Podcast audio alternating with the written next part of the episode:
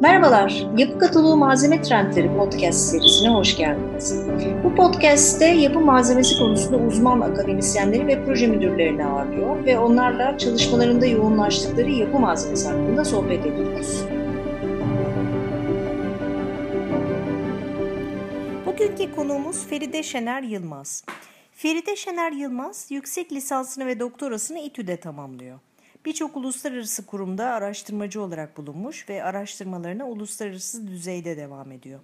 Kurucusu olduğu EcoBeam ile sürdürülebilir, sağlıklı ve enerji etkin tasarım, planlama ve uygulama aşamalarında mimari danışmanlık ve araştırma hizmetleri vermekte. Feride Hanım hoş geldiniz. Hoş bulduk.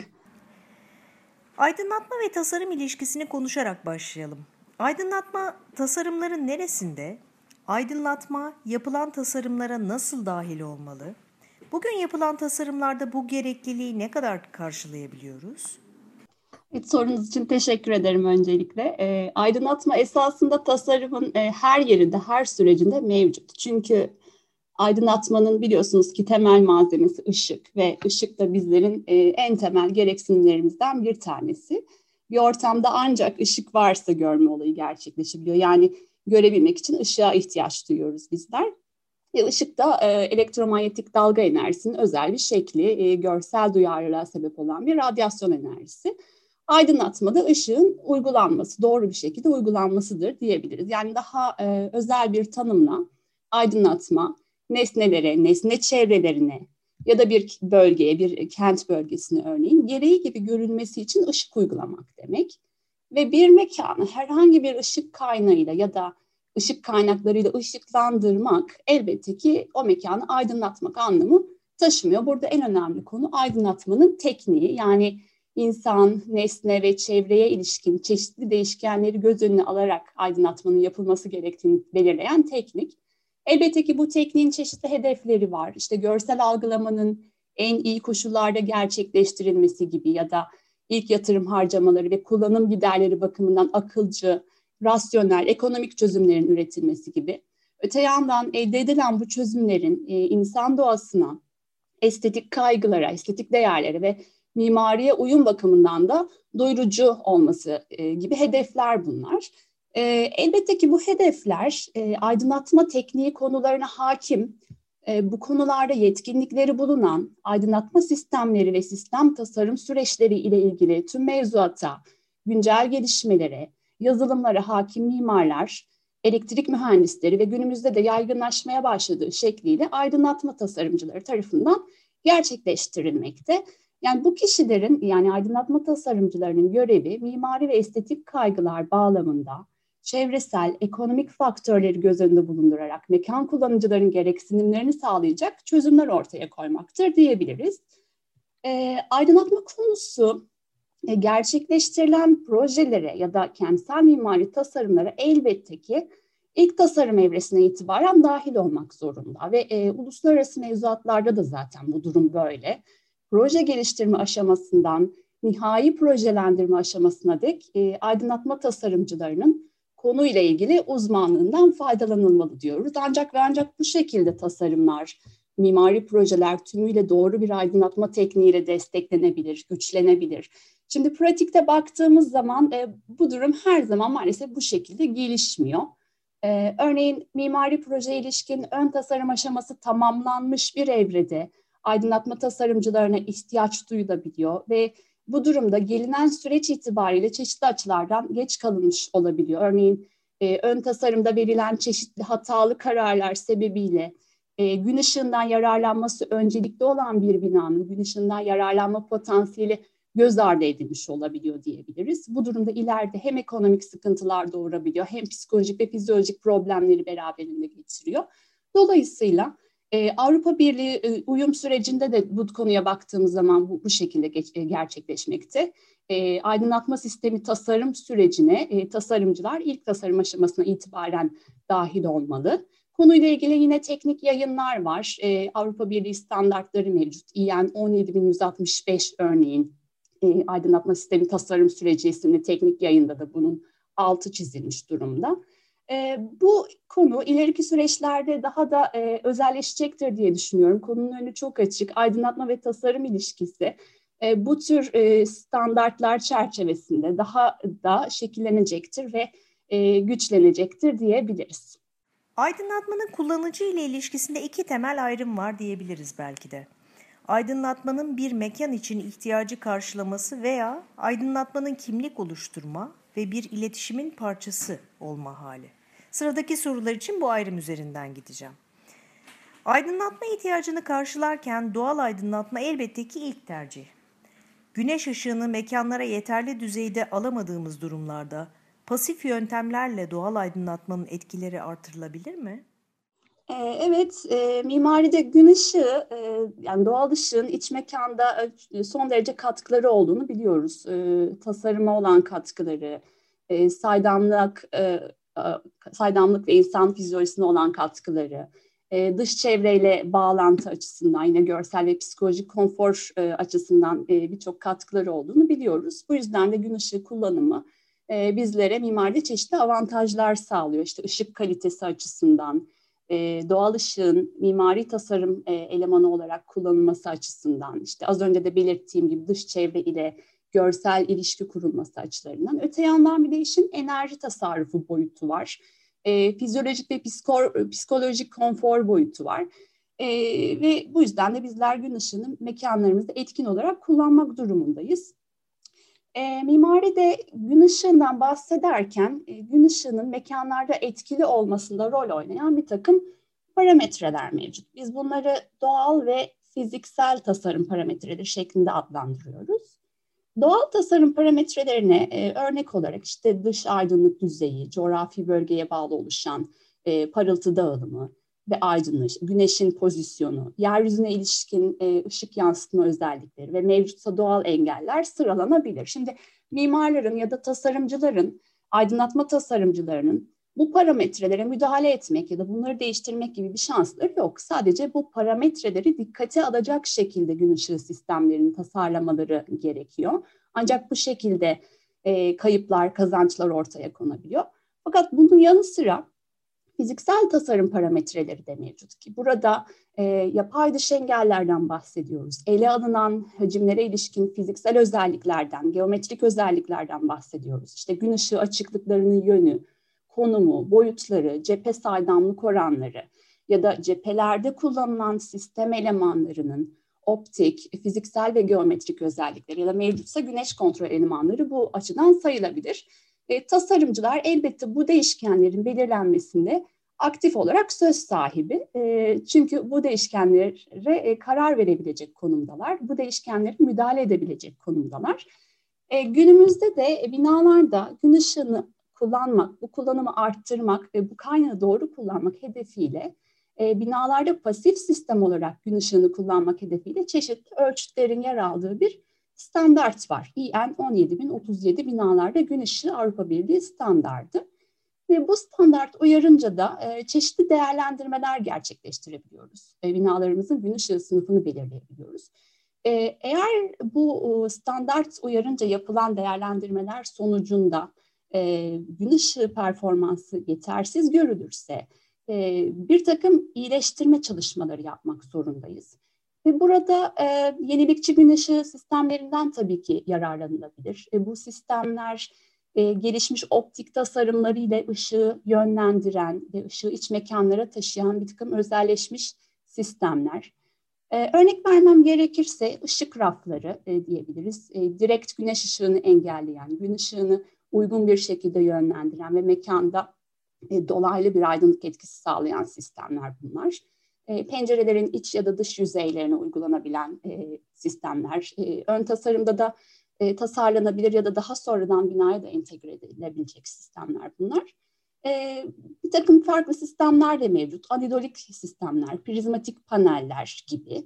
E, yine ışık tüpleri burada verebileceğim bir diğer örnek. E, bu e, elemanlar özel çatı açıklıkları yardımıyla iç mekana alınan gün ışığını toplayıcı bir görev görüyorlar ve e, yansıtıcı borular yardımıyla da iç mekana gün ışığını taşıyabiliyorlar. E, bu uygulamalar elbette ki işte e, büyük mekanlar, alışveriş mekanları gibi, endüstriyel tesisler gibi, ticari binalar gibi mekanlarda e, kullanım olanağı buluyor. E, ışık bacaları yine farklı bir sistem, mirror shaft sistemler diye de geçiyor. Bunları da daha çok zemin altında kalan, e, alt kotlarda bulunan ve gün ışığı alımının mümkün olamadığı e, mekanlarda tercih edebiliyoruz. Ve e, bu sistemler aslında doğal aydınlatmayı istenen e, mekana e, yansıtıcı özellikleriyle e, iletebilen e, ve bu şekilde tasarlanmış, e, özel olarak detaylandırılmış sistemler. Ve son olarak da e, optik ışık yayma e, ve toplama sistemlerinden bahsedebiliriz. Burada e, otomatik bir takip sistemi söz konusu. Güneşi takip eden otomatik bir e, sistemden e, bahsedebiliriz. İşte heliostatlar, otomatik takip sistemleriyle güneşi takip eden mekanizmalar. E, tabii elbette ki esas olan gün ışığı etkisini ön tasarım aşamasına itibaren dikkate almaktır. Fakat bu tür e, alt sistemlerle de binalarımızı destekleyebiliriz. Peki görsel konforun optimum düzeyde oluşması için aydınlatmayı nasıl kullanıyoruz? Aydınlatma ve aydınlatma tasarımları görsel konfor ihtiyacını hangi araçları kullanarak karşılıyor? Ee, burada da e, görsel konfor konusunu belki biraz açmakta fayda var. E, şimdi görsel konfor, e, görsel performansın ve yapılan işlerdeki verimin arttırılmasını, e, göz sağlığının korunmasını ve bu koşullarda da süreklilik sağlanmasını hedefliyor. Şimdi ışık kökenine göre farklı aydınlatma türlerinden söz etmek mümkün. Ee, örneğin doğal aydınlatma kullanımı ya da yapma aydınlatma kullanımı ve bir de her iki sistemin de bünyesinde barındırıldığı bütünleşik aydınlatmalardan bahsedebiliriz. Şimdi görsel konforun e, optimum düzeyde binalarımızda oluşması için tüm bu aydınlatma sistemlerini e, titizlikle ele almak gerekiyor. Bu doğrultuda elbette e, uluslararası standartlarda verilen görsel konfor kriterlerini bizler dikkate alıyoruz. Yapma aydınlatma özelinde, yapma aydınlatma sistem tasarımlarında görsel konfor belirlenmesinde İAN 12464 e, ışık ve aydınlatma çalışma alanlarının aydınlatılması standardı yaygın olarak kullanılmakta. Ülkemizde de e, kullanımı zorunlu olan bir standart bu. Bu standartta e, iç mekan aydınlatmasında sağlanması istenen değerler, minimum aydınlık düzeyi, ışık kaynaklarına ilişkin renksel geri verim değerleri, aydınlatmanın düzgünlüğüne ilişkin bir takım kriterler ve yapma aydınlatmaya bağlı e, kamaşma indisi gibi karşımıza çıkıyor. Şimdi görsel konfor dediğimizde aslında aydınlık düzeyi, parıltı ve renk e, konuları e, son derece önem kazanıyor. İşte aydınlık düzeyi e, gözümüzün görme yeteneğini doğrudan etkileyen bir etken. E, birim alana düşen ışık akısı olarak tanımlıyoruz biz bunu ve her bir hacim türü için gereksinim duyulan aydınlık düzeyi birbirinden farklı. İşte örneğin ofis mekanları için 500 lüks iken bu değer, sirkülasyon alanları için daha düşük 100 lüks gibi bir değer bizim bu eylemi yapmamızı e, yardımcı oluyor. Hacim içerisinde sağlanan ışığın eylem türüne bağlı olarak da uygun bir e, görsel e, konfor koşullarının yaratılması gerekiyor. Parıltı da bu konuda rol oynayan e, bir diğer etmen parıltı ve parıltı kontrastı, görsel iletişimin sağlanmasında etkili, görme olayında etkili. E, ancak bu değerlerin istenen sınırların e, içerisinde bulunmaması da farklı konforsuzluk durumlarını ortaya çıkarabiliyor. Kamaşma olayını mesela beraberinde getirebiliyor. Bir diğer önem, önemli parametre ise renk. Işık kaynaklarının renksel özellikleri ki burada iki etmen söz konusu. Renk sıcaklığı ve renksel geri verim değerleri. E, doğru renk algılamadan e, özellikle doğru renk algılamanın son derece özel, önemli olduğu bir takım mekanlar var. İşte baskı boya atölyeleri gibi ya da sanat e, mekanları gibi. E, buralarda renkleri bizler özgün şekliyle görmeliyiz. Bu yüzden de kullanılan e, yapma aydınlatma elemanlarının e, renksel geri verim indisi e, ki bu değer 100 üzerinden ölçülen bir e, değer e, olabildiğince yüksek olmalı, gün ışığına yakın olmalı. E, ışık kaynaklarının renk sıcaklığının seçiminde de yine farklı e, bir takım etken, etkenler söz konusu. İşte yaratılmak istenen atmosfer önemli. Dolayısıyla ışık renginin de eylemlere uygun seçilmesine özen gösterilmeli. Buna bağlı olarak e, lambaların ışık renklerinin, renk sıcaklığının da yine uygun şekilde seçilmesi gerekmektedir diyebiliriz. Şimdi bu saydığım e, parametreler yapma aydınlatma sistemlerine bağlı olarak görsel konforun değerlendirilmesi konusundaydı. Doğal aydınlatma açısından da özelleşmiş bir başka standart var. E, burada yine farklı konular ele alınıyor. E, daha çok görsel konfor koşullarının gün ışığıyla sağlanabilmesi hedefiyle binalarda gün ışığı aydınlığının sağlanması, dış görüşün yeterli düzeyde sağlanması, e, binalarda yeterli güneş ışığının yani gün ışığından bahsetmiyoruz burada direkt e, parçanın yani güneş ışığının iç mekana alınması ve güneşlenme süresi ve e, aynı zamanda gün ışığına bağlı oluşan kamaşmanın kontrol altına alınması e, açılarından görsel konforu ayrı ayrı değerlendiriyoruz ve e, bütünleşik bir sonuca ulaşıyoruz tüm bu e, değerlendirmeler sonucunda. Bir diğer yandan güneş ışığının fazla olması da ihtimallerin birisi. Böyle durumlarda neler yapılabilir? Kamaşma tehlikesinden kaçınmak için ne tür önlemler alınabilir?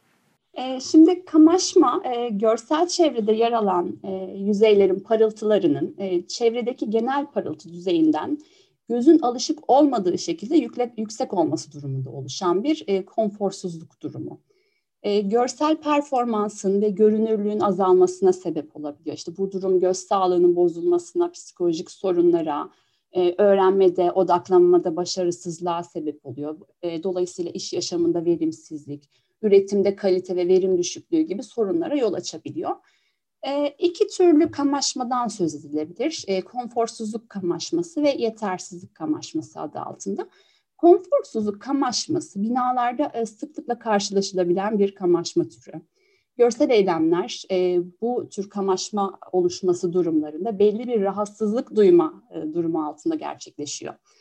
E, kamaşma hem gün ışığından hem de yapma aydınlatma sistemlerinden kaynaklanabiliyor ve biz bu büyüklüğü teknik olarak hesaplayabiliyoruz. E, ve bu hesaplamalarda e, tüm kaynakların gözde oluşturduğu düşey aydınlık, kaynak parıltısı, ışık kaynağına ilişkin aydınlık parçasının göz ile arasında oluşturduğu açı gibi bir takım değerler e, dikkate alınıyor. Biliyorsunuz ki gün ışığı da son derece değişken bir yapıya sahip.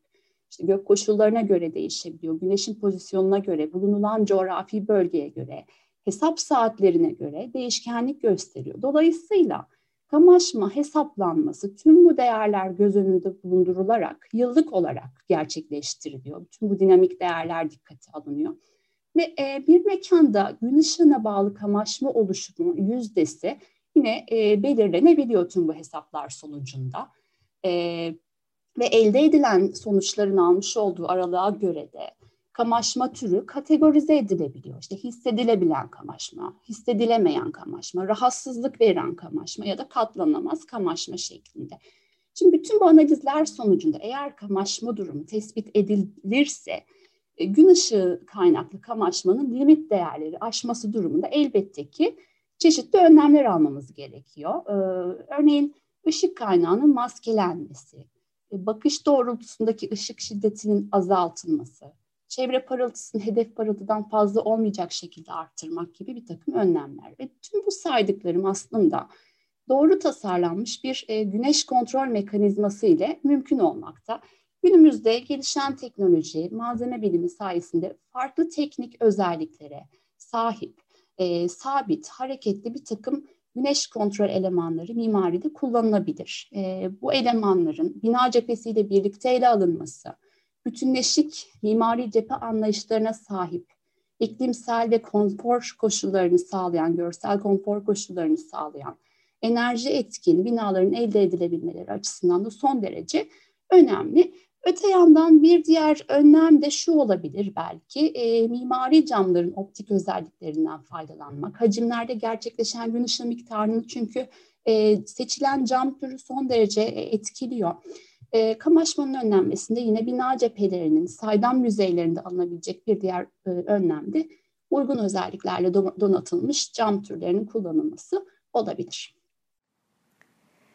Başta bahsettiğim ayrımın ikinci kısmına geçiyorum. Kimlik oluşturma ve iletişim kurma hali. Aydınlatma bu görevleri nasıl yapıyor? Mekanı algılamada aydınlatmanın görevini biraz açabilir misiniz? E, tabii ki. E, mimari aydınlatma tasarımının e, bilindiği gibi nitelikli mekanlar yaratmada etkin bir bileşen olduğu günümüzde bilinen bir gerçek. Şimdi görsel konfor koşullarını tümüyle sağlayan, e, iç mekan kalitesi bakımından gerekli performans ölçütlerini taşıyan mekanların elde edilmesi için aydınlatma tasarımlarının da titizlikle gerçekleştirilmesi gerekli. Bu konuya özellikle aydınlatma tasarımıyla kurumsal kimlik oluşturma ve aydınlatma tasarımları yardımıyla iletişim kurma durumuna verilebilecek belki de en etkili örnek satış mekanları ya da mağazalar diyebiliriz.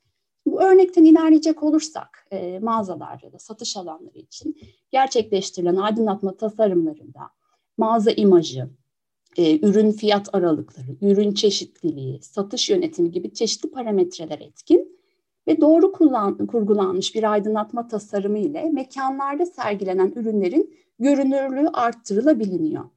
E, mağaza aydınlatma tasarımlarında aydınlatmanın niceliksel ve niteliksel özelliklerinin ve kullanıcıların iç mekan algısına, ürün fiyat beklentisine ve ürün kalite beklentilerine e, etkili olduğu biliniyor ve literatürde de aydınlatma tasarımı ile kullanıcıların e, mekan algısı, mekan kimliği algısı, e, ürün fiyat kalite beklentileri arasında etkileşimin somut şekilde irdelendiği çeşitli çalışmalar mevcut.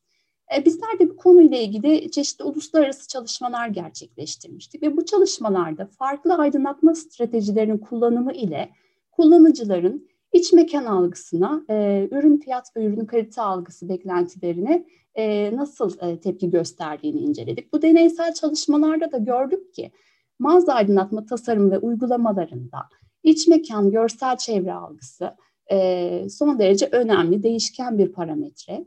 E, özellikle örneğin vurgu aydınlatması kullanımında kullanıcıların ürünlere yönelik fiyat ve kalite beklentileri genel aydınlatma kullanımına oranla büyük ölçüde o artış gösteriyor. E, şunu söylemek mümkün belki burada. Bir mekanı sadece aydınlatma sistemi tasarımının değişmesi ile e, farklı bir şekilde algılatabiliyoruz ve bu durumda görsel algılama açısından son derece önemli diyebiliriz. Belirli yapı tipolojilerinde aydınlatmanın bu yönü daha ön plana çıkıyor. Ticari alanlarda daha ağırlıklı. Veya son zamanlarda cephe aydınlatmaları popülerleşen bir uygulama haline geldi. Görsel konfor konusuna bir de yapay aydınlatma yönünden yaklaşırsak neler söylemek istersiniz? E, aydınlatma sistemlerini bizler kuruluş amacına göre sınıflandırdığımızda e, aydınlatma sistemlerinin değişik işlevlerdeki binalarda ya da çevrelerde farklı amaçlara hizmet ettiğini söyleyebiliriz. Bunu söylemek mümkün. E, her gün yaşamımızı sürdürdüğümüz, aklımıza gelebilecek e, farklı yapma çevrelerde öyle ya da böyle bir aydınlatma sistemi tasarımıyla karşı karşıyayız. E, bu yapma çevreler kimi zaman binalar olabilir. Eğitim binaları, sağlık binaları, işte mağazalar, spor tesisleri, dini yapılar, kültür sanat merkezleri, endüstriyel tesisler gibi. Ya da kimi zaman da e, tarihi yapılar, parklar, bahçeler, meydanlar, hatta yollar, tüneller, işte anıtlar gibi kent parçaları olabilir. E, elbette ki aydınlatma her bir kuruluş amacı için farklı bir şekilde tasarlanmalı. Farklı eylem türlerine bağlı gereksinmeler söz konusu olmakta bu tasarımlarda da. E, bazı koşullarda e, çevremizdeki tüm objeleri en kısa sürede tüm ayrıntılarıyla, biçimiyle, formuyla, rengiyle e, algılamak isteği ön planda olabiliyor. Bu tür aydınlatmalar, bu tür gereksinimler tamamen fizyolojik konfor gereksinimleri. Dolayısıyla e, bu tür çevrelerin aydınlatmasına e, bizler fizyolojik aydınlatma diyoruz. Yani bir ameliyathane, bir ofis ya da bir derslik aydınlatması e, fizyolojik aydınlatma şeklinde incelenebiliyor. E, aydınlatma sistemlerinin kuruluşunda söz konusu olan bir diğer amaç da dekoratif amaçlar. E, bir otel lobisi düşünün ya da bir restoran, bir mağaza vitrini e, gibi mekanlarda e, dekoratif aydınlatma uygulamaları kullanılabiliyor. Bu tür aydınlatmalarda da amaçlanan konu tüm ayrıntıların eş bir şekilde gösterilmesi değil, istenilen biçimin, formun, rengin ya da ayrıntının görünmesini sağlamak e, söz konusu mekanında bu tür uygulamalarla olduğundan daha çekici, daha farklı, daha akılda kalıcı görünmesini desteklemek diyebiliriz. E, bir diğer kategori ise dikkati çeken aydınlatmalar. Şimdi e, bu tür aydınlatmalarda genellikle gözlemcilerin dikkati ışık yardımıyla bir nesneye ya da bir olay üzerine çekilebilir. Yani bu aydınlatma da buna hizmet ediyor. E, elbette ki bu tür aydınlatmalarda kendi içinde uzmanlaşmayı gerektiren bir konu. Örneğin sahne aydınlatmaları, opera, bale, tiyatro ya da konser salonu aydınlatmaları bu türe verebileceğimiz örnekler arasında. Öte yandan kent kimliğini ortaya koyan e, simge yapılar, tarihi yapılar ya da modern binalar üzerinde bu tür aydınlatmaları da görmek mümkün. E, bu, bu tür yapılar üzerine dikkatlerin çekilmesi hedefleniyor. E, belki bir diğer uygulamada reklam aydınlatmaları olabilir. Tabii burada ticari bir üst amaç güdülüyor. Bir ürünün, bir kurumun ya da bir kuruluşun tanıtılması, e, bir ismin ya da bir markanın zihinlerde yer etmesi amaçlanıyor olabilir. Şimdi kuruluş amacı her ne olursa olsun bütün bu aydınlatmalar elbette ki insanlar için gerçekleştiriliyor. İnsanların e, görsel açıdan konforda olması, görsel performanslarının e, buna uygun bir şekilde sağlanması gerekiyor. Bu nedenle farklı binalar için, farklı yapılar için e, gerçekleştirilen bu aydınlatma türlerinde görsel konfor koşulları uluslararası standartlarda verilen kriterler ışığında ele alınmalı. E, yapı tasarımıyla bütünleşmiş yani doğru yerde doğru ışığın kullanıldığı tasarımların yaratılması elbette ki aydınlatma tasarımcılarının sorumluluğundadır. Mekanların programlarının aydınlatma yaklaşımlarında farklılıklar yarattığını anlıyoruz. Mekanlardaki malzeme farklılıkları da aydınlatma tasarımında farklı ihtiyaçlar yaratıyor mu? Malzeme farklılıklarının aydınlatmayı farklılaştırması, aydınlatma tasarımlarında dikkate alınan bir şey mi? Ee, elbette malzeme seçiminin mekan aydınlatmasını doğrudan etkilediği bilinen bir e, gerçek e, mekanlardaki malzeme farklılıkları aydınlatma tasarımında farklı ışık ihtiyaçları e, doğurabiliyor. E, bunu genellikle bizler ışık yans yani malzemelerin ışık yansıtma çarpanları itibariyle e, ele alıyoruz. E, hacimlerdeki tüm yüzeylerin e, ışık yansıtma katsayılarına, dolayısıyla renklerine bağlı olarak ışık e, farklı bir şekilde yansıyor, farklı bir şekilde o mekanı dolduruyor. E, bu durumda mimari aydınlatma tasarımına tabii ki doğrudan etki ediyor. E, bir mekanda yapma aydınlatma sisteminin sabit tutulduğu düşünülürse sadece rengin, açıklık, koyuluk özelliklerine bağlı olarak değişkenlik gösterdiği durumlar e, incelendiğinde ortalama aydınlık düzeyinin de değiştiğini görüyoruz. Dolayısıyla iç mekandaki algı da değişebiliyor. Bu nedenle aydınlatma tasarımında malzeme seçimi de son derece önemli bir konu. Ve bu hedefle tavan, duvar, e, döşeme yüzeyleri ya da çalışma düzlemlerinin yüzeyleri için önerilen e, ışık yansıtma çarpanlarının uygun bir şekilde seçilmesi gerekmekte. E, saydam yüzeylerin tasarımında da bu durum benzer şekilde. Burada da e, camların ışık geçirme özelliğinden bahsetmek gerekir. Yani cam seçiminde kullanılan ürünlere yönelik teknik detayların elde edilmesi, ve tasarımların bu bilgiler ışığında gerçekleşmesi önemli. Çünkü bu durum mekanların gün ışığı performansını doğrudan ilgilendiriyor. E, doğru malzeme seçimi e, bazen görsel, e, doğru malzeme seçilmemesi e, bazen görsel açıdan konforsuzluğa da sebep e, olabiliyor. Örneğin e, zeminde ya da çalışma alanlarında düzgün yansıma yapan malzemelerin kullanımı durumunda işte ışık kaynaklarının özellikle küçük noktasal ışık kaynaklarının görüntüleri, yansımaları oluşabiliyor. Bu durum nesne görünürlüğünü olumsuz etkileyebiliyor. Benzer şekilde vitrin aydınlatmalarında ya da müzeler için sergilenen eserlerin bulunduğu cam mekanların aydınlatmasında kimi durumlarda aynasal yansımalar gerçekleşebiliyor ve bu da obje görünürlüğünü azaltabiliyor. Bu nedenle malzeme konusunda aydınlatma tasarımında iyi irdelenmesi gerekiyor aslında. Bu iletişim kurma hali için genellikle yapay aydınlatmadan destek alıyoruz. Yapay aydınlatma söz konusu olunca da dünyanın kaynaklarını kullanma ve sürdürülebilirlikle ilgili kaygılar karşımıza çıkıyor. Aydınlatma tasarımı yaparken çevreye ne kadar etki ediyoruz? Tasarımlarda aydınlatma kullanma ile çevreye daha az zarar verme arasındaki dengeyi nasıl sağlamalı?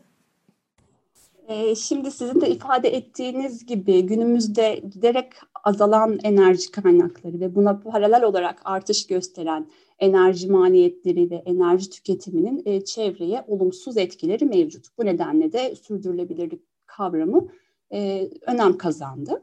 Yine yeşil bina kavramı da biliyorsunuz günümüzde son derece güncel bir konu. E, binalar dünyadaki enerjinin e, yaklaşık yüzde kırklık bir dilimini tüketiyor. Yani bu çok büyük bir rakam. Ve bu payın içerisinde de elbette aydınlatma enerjisinin oranı çok yüksek. Dolayısıyla e, bizler binalarımızda aydınlatma enerjisi gereksinimlerini en aza indirgemeliyiz. Tabii ki bunu nasıl yapmak gerekiyor? Bunu gerçekleştirirken e, görsel konfor koşullarından ödün vermeden bu işlemi gerçekleştirmemiz gerekiyor. Aydınlatma tasarımında sürdürülebilirlik, görsel çevrenin niceliksel ihtiyaçlarının doğal çevreye en az etkiyle karşılanması olarak tanımlanıyor ve burada da bir denge kurmak önemli. Enerji performansı, çevresel etki ve maliyet e, açısından bir dengeden bahsetmek gerekiyor. Bunun için de aydınlatma tasarımlarının bütüncül bir anlayışla ele alınması gerekiyor. Yani sadece bir konuya odaklanmadan bütün bu açılardan ilgili değerlendirmelerin gerçekleştirilmesi gerekiyor. E, ve bu doğrultuda farklı ön tasarımlar, tasarım aşamasında e, değerlendirilmeli, en uygun seçenekler geliştirmeli, geliştirilmeli. E, farklı aydınlatma sistemi tasarım alternatifleri birbirleriyle kıyaslanmalı ve sürdürülebilir aydınlatma tasarımları açısından da en uygun seçenekler e, belirlenmeli. Burada tabii ki e, aydınlatma simülasyon programlarına, bina enerji performans hesaplama yöntemlerine başvuruyoruz. E, mevcut aydınlatma sistemlerinin e, yenilenmesi, gerekli iyileştirmelerin de e, gerçekleştirilmeleri aşamasında yine bu e, metotları kullanmak durumundayız. E, binalarda aydınlatma enerjisi performansı istenen konfor koşullarını yerine getirmek amacıyla harcanan aydınlatma enerjisine bağlı. Bu değerde yine e, İEN 15193 standartında bir hesap yöntemi sunuluyor. Ülkemizde de kabul gördüğü üzere WebTR yaklaşımında e, bu hesaplamalar sağlanabiliyor mekanlar için, binalar için. E, burada elbette e, kurulu güç önemli. E, ne kadar az kurulucu güce, güce sahip bir aydınlatma sistemi tasarlarsak o kadar az enerji tüketiyoruz. Lamba ve aygıt seçimi son derece önemli. Aydınlatma elemanlarından kaynaklanan çevresel etkinin yaklaşık yüzde doksan kullanım aşamasında oluşuyor. Ee, öte yandan yine aydınlatma enerjisi performansının iyileştirilebilmesi için olabildiğince gün ışığından yararlanmak gerekiyor. Bütünleşik aydınlatma sistemlerini tasarlamak gerekiyor. Ee, bir diğer konu da e, aydınlatma kontrol stratejilerinin mimaride uygulanması. Ee, bunun da e, yine enerji tüketimini azaltmada etkisi büyük. E, ve bizler aydınlatma tasarımcıları olarak e, uygun kaynakların kullanımı e, ile imal edilmiş, çevreye duyarlı ve geri dönüştürülebilir malzemelerden oluşan ürün seçimlerine de özen göstermeliyiz ve yapma ve doğal aydınlatma sistemi elemanlarının da doğa dostu olacak şekilde e, gerçek seçiminin gerçekleştirmesini sağlayabilmeliyiz. Sürdürülebilirlik adına bahsettiğimiz bu yöntemler ve öneriler aynı zamanda aydınlatmanın ekonomik kullanımlarına da ulaştırıyor mu bizi? Yani son soru olarak da hem ekonomik hem de görsel konfor açısından efektif aydınlatma sağlamak için neler önerirsiniz? Ee, şimdi sürdürülebilirlik adına bahsettiğiniz bu yöntemler, e, benim de ifade etmeye çalıştığım bu yöntemler elbette ki aydınlatma ekonomisinde doğrudan ilgilendiriyor. Zira e, minimum enerji kullanımı ve optimum maliyet düzeylerinin elde edilmesi birbiriyle iç içe geçmiş grift konular. E, aydınlatma tasarımında ekonomik tasarruf konusu da son derece önemli. Peki bunu nasıl gerçekleştiriyoruz? E, aydınlatma sistemlerinin maliyet açısından değerlendirmesi için bir takım finansal verilere ihtiyaç duyuyoruz. İşte hesap periyodu gibi, piyasa faiz oranı, geri ödeme süresi, e, hesap yılına ait elektrik enerjisi birim fiyatı gibi. Ve bu e, veriler yardımıyla e, farklı aşamalar için e, aydınlatma sistemlerinin net maliyetini belirliyoruz. E, burada tabii ilk yatırım maliyetleri önemli, yenileme maliyetleri önemli, işletme maliyetleri ve son olarak da enerji maliyetleri son derece önemli. Şimdi evet bakıldığı zaman e, ilk yatırım maliyetleri genellikle aydınlatma sistemlerinin yaşam döngüsü içerisinde önemli bir e, paya sahip. Fakat e, aydınlatma tasarımlarında maliyet konusunda sadece ilk yatırım maliyeti odaklı bir e, yaklaşım e, doğru bir yaklaşım olmuyor. Burada bir denge kurulmalı. E, enerji ve maliyet optimizasyonuna yönelik çözümler aranmalı. Ee, örneğin daha az enerji tüketen ve dolayısıyla enerji maliyetleri minimum düzeyde olan bir tasarım alternatifi başta ilk yatırım maliyeti yüksek olabilmesine rağmen e, enerji maliyetleri düşünüldüğünde daha avantajlı bir konuma geçebiliyor geri ödeme süresi hesaplamaları sonucu. E, aydınlatma sistemlerinin yenilenmesi çalışmalarında da bu durum böyle. Yenileme maliyetleri evet ek maliyetler doğurabiliyor fakat e, bir mekanın ya da binanın görsel konfor koşullarının iyileştirilmesinde, enerji verimliliğinin sağlanmasında, işte emniyetin, işlevselliğinin sağlanmasında e, enerji maliyetlerini düşürmenin etkin bir yolu olabiliyor. İşletme maliyetlerinde yine minimize edilmesinde aydınlatma otomasyon sistemlerinin rolü büyük. E, bu tür sistemler aydınlatma kontrol e, sistemlerinin kullanımı ile e, binalarda aydınlatma enerjisi performansında önemli iyileştirmeler sağlanabiliyor. Bu yüzden de kontrol sistemlerinin geri ödeme sürelerine bağlı olarak binalarda kullanımını yaygınlaştırması gerekiyor. Bu sistemlerin kullanımına teşvik e, edilmesi gerekiyor. E, bir diğer taraftan gün ışığının yine e, mekanlarda etkin olarak kullanılması toplam maliyet sonuçlarını da etkiliyor.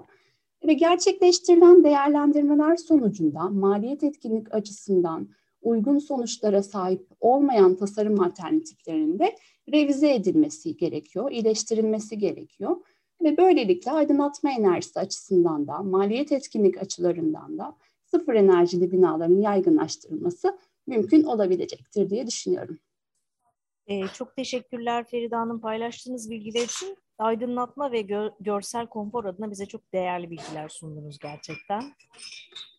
Ben teşekkür ederim dinlediğiniz için. Sağ olun. Malzeme trendlerinin bir sonraki bölümünde görüşmek dileğiyle. Yapı Haber Değişmeyen adı ve kalitesiyle aydınlatma sektörüne 100 yılı aşkın süredir aydınlatma çözümleri sunan Silvanya, 2017 yılının Ağustos ayından beri faaliyette olduğu Türkiye pazarında global ürünlerinin yanı sıra çıkardığı yerli üretim ürünleriyle hizmet vermeye devam ediyor. Silvanya, 2021 yılında ürettiği GU10 LED spot ampulleri Toledo ve Toledo Retro serileriyle evlerinize konuk oluyor.